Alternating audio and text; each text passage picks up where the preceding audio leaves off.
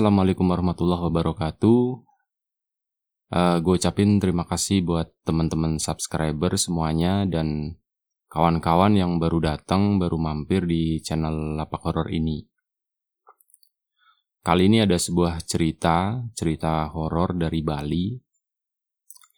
Jadi ini kejadian yang pernah gue alami waktu gue kerja di Bali dulu sekitar tahun 2011-an.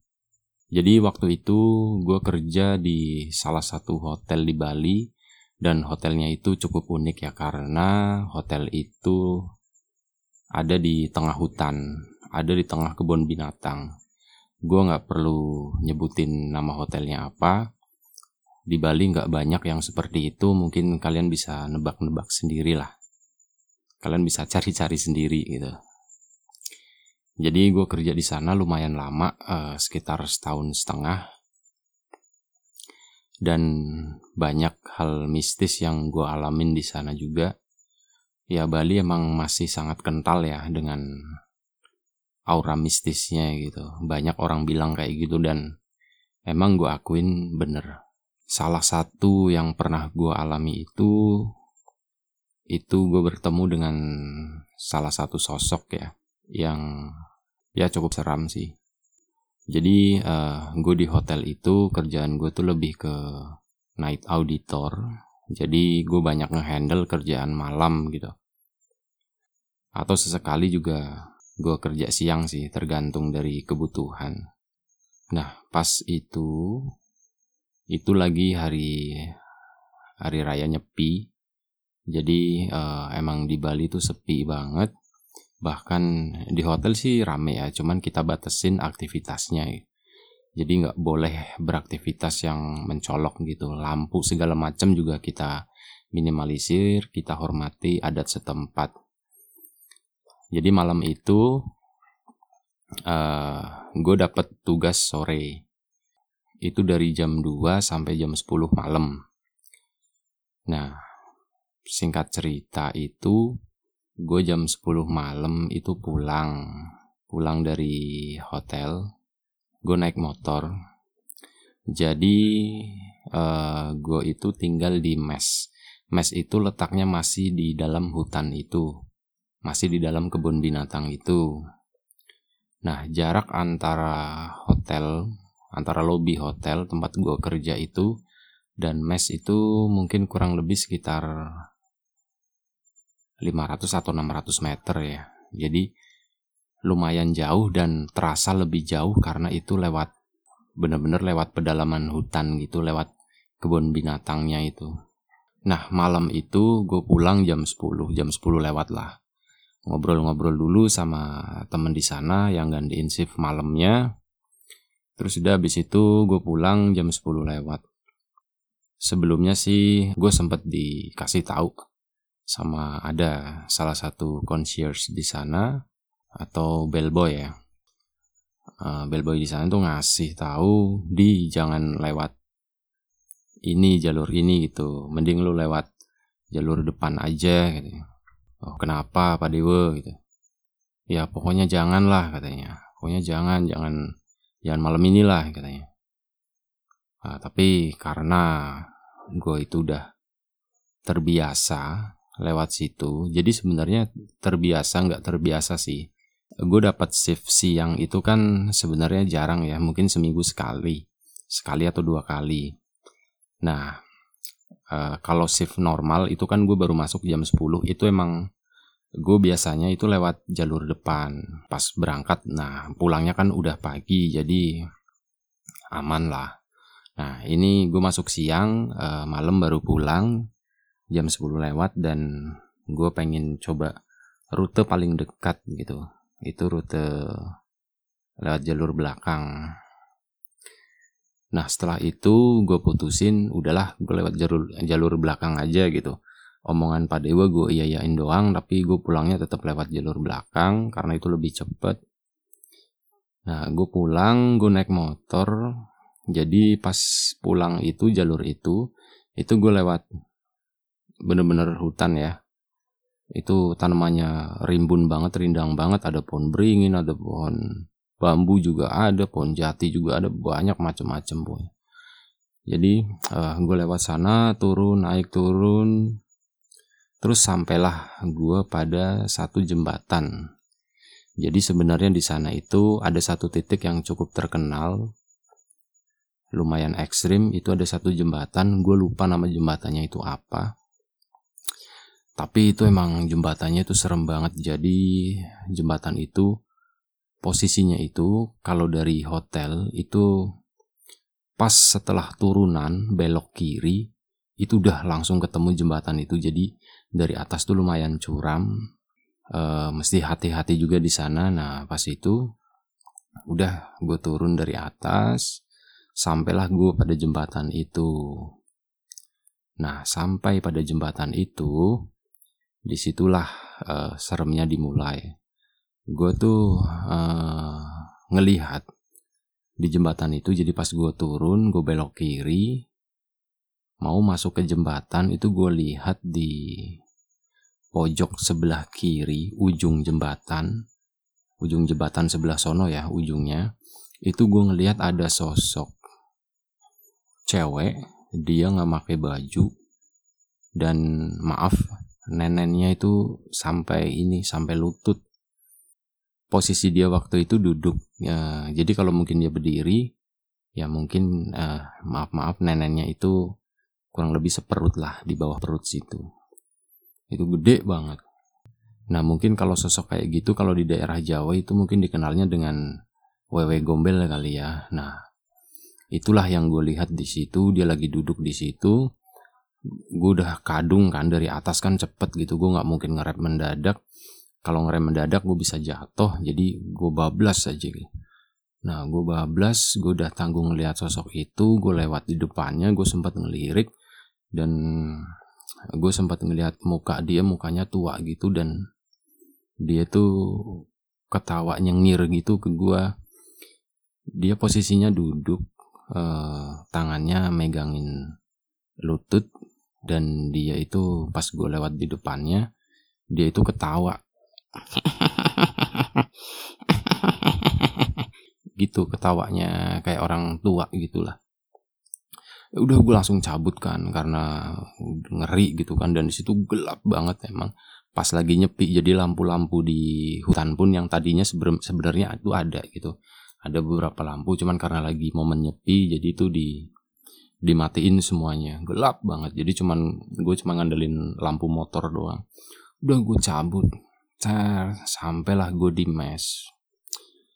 Di mes uh, anak-anak lagi pada ngumpul kan karena nggak ada acara dan nggak boleh keluar gitu nggak boleh keluar dari area uh, kebun binatang itu. Makanya kita ngumpul di mes dan mes yang buat ngumpul tuh di mes tempat gue itu banyak banget rame banget di sana. Gue cerita ke anak-anak ternyata nggak cuman gue yang pernah ngeliat itu gitu. Ternyata ada beberapa juga yang sempet ngeliat itu tapi gue nggak tahu bener enggaknya nah udahlah itu udah malam itu udah kelar. Kita pokoknya stop maksimal itu jam 12 malam. Jadi biarpun kita ngumpul cuman kita nggak boleh ada keributan gitu. Jadi cuman ya kita ngumpul-ngumpul aja uh, pas itu ya cuman minum maksudnya minum kopi minum apalah kayak gitu nah terus setelah itu udah kita tidur masing-masing kan pada balik ke mes masing-masing. Tidurlah gue gue ada jadi di kamar gue itu ada tiga kasur. Tiga kasur itu yang satu single sendiri yang satunya tuh kasur tumpuk gitu ranjang. Nah gue nempatin yang sendirian. Ada satu uh, teman kamar gue namanya Mas Herman itu kita bareng tidur berdua ya. Gue di kasur gue dia di kasur dia tapi dia nempatin yang di bawah yang di atasnya tuh kosong. Udah tidur uh, lampu dimatiin. Kita cuman pakai lampu tidur aja warna hijau itu entah jam berapa gue lupa. Yang jelas gue belum tidur ya masih kelap kelip kelap kelip gue masih keinget yang tadi uh, gue lihat di jembatan itu Nah tiba-tiba pas gue lagi kayak gitu gue nengok ke arah atas uh, tempat tidur gue ngeliat sosok itu lagi gitu. Si nenek-nenek yang neneknya gede banget panjang banget itu lagi lagi duduk di atas di atas ranjang yang ditempatin sama si Mas Herman itu gitu. gue langsung teriak kan gue lari keluar kamar. Mas Hermannya juga jadinya kaget dia ikut keluar di kenapa kenapa? gitu ini mas gue tadi gini-gini kan yang tadi gue ceritain gitu.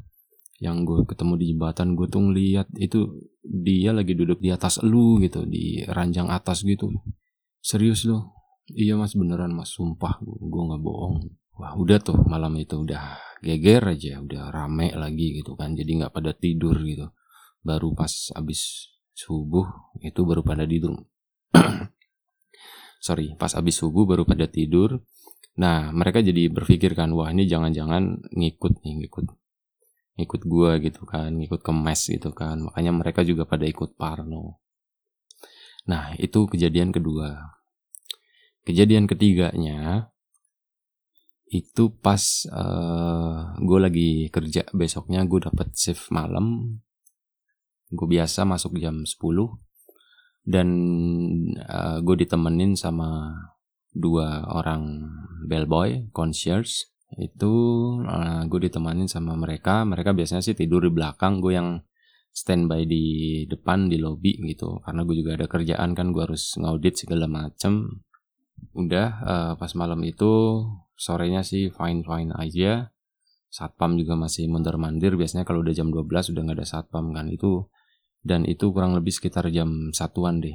Kayaknya jam satu malam itu gue lagi sendiri gue lagi browsing browsing kerjaan udah kelar semua sistem udah di reset segala macam gue jam satu lagi browsing browsing tiba-tiba tuh uh, kertas-kertas buku-buku gitu di atas meja lobby tuh kayak dilempar gitu brak gitu. Ya dilempar gue kaget kan wah kenapa nih? Gue bangunin si itu si bellboy. Salah satunya gue bangunin beli gini nih ada ini gue takut sendiri temenin dong oke oke oke di santai santai oke oke oke nah udah ditemenin udah aku tidur di sini aja. Gue tidur di sofa katanya. Ya udah silakan deh situ deh yang penting yang penting gue ditemenin di sini gitu. Oke nah udah ditemenin sama dia. Udah lewat jam dia tidur kan udah lewat jam 2 gue masih sendiri gue masih melek karena gue harus standby gue harus melek. Takutnya ada tamu datang tengah malam gitu kan udah uh, jam 2an jam 2 lewat kayaknya dia. Jam 2 lewat dari depan dari tempat uh, eh, gue duduk di lobby itu gue ngeliat ke depan. Jadi lobbynya tuh lumayan luas ya. Lobbynya dan lobbynya keren banget sih cuman gue nggak nggak mau gambarin secara detail. Jadi depan lobby itu lah pintu besar gitu pintu kaca cuman kalau malam dibuka gitu. Dan depannya itu udah ya hutan gitu kan banyak pohon-pohon besar gitu ada pohon beringin juga di depan lobby situ. Nah gue ngeliat di bawah pohon beringin itu gue ngeliat ada cewek gitu kan cewek bugil. Nah dia nggak pakai baju gitu kan. Pas itu gue sama sekali nggak mikir kalau itu tuh sesuatu yang gimana gimana gitu. Gue pikir itu cuma wah ini ada tamu mabok atau gimana gitu kan. Biasanya suka ada kayak gitu kan atau abis berenang atau apa tengah malam gitu pokoknya dia tuh dari tempat gue tuh gue ngeliatnya nggak pakai baju kan. Gue datengin dong ke situ. Gue deketin ke situ dia ngadepnya ngebelakangin gue dia ngedat eh, eh, ngebelakangin gue dan gue datengin sampai di depan lobby. Itu kurang lebih jaraknya sekitar 6-7 meter lah sampai ke pohon beringin itu. Uh, gue baru jalan gitu kan. Gue juga kadang nggak enak langsung negor gitu lah maksudnya paling nggak dia noleh dulu gitu kan baru gue ini biasanya gue tegor gitu.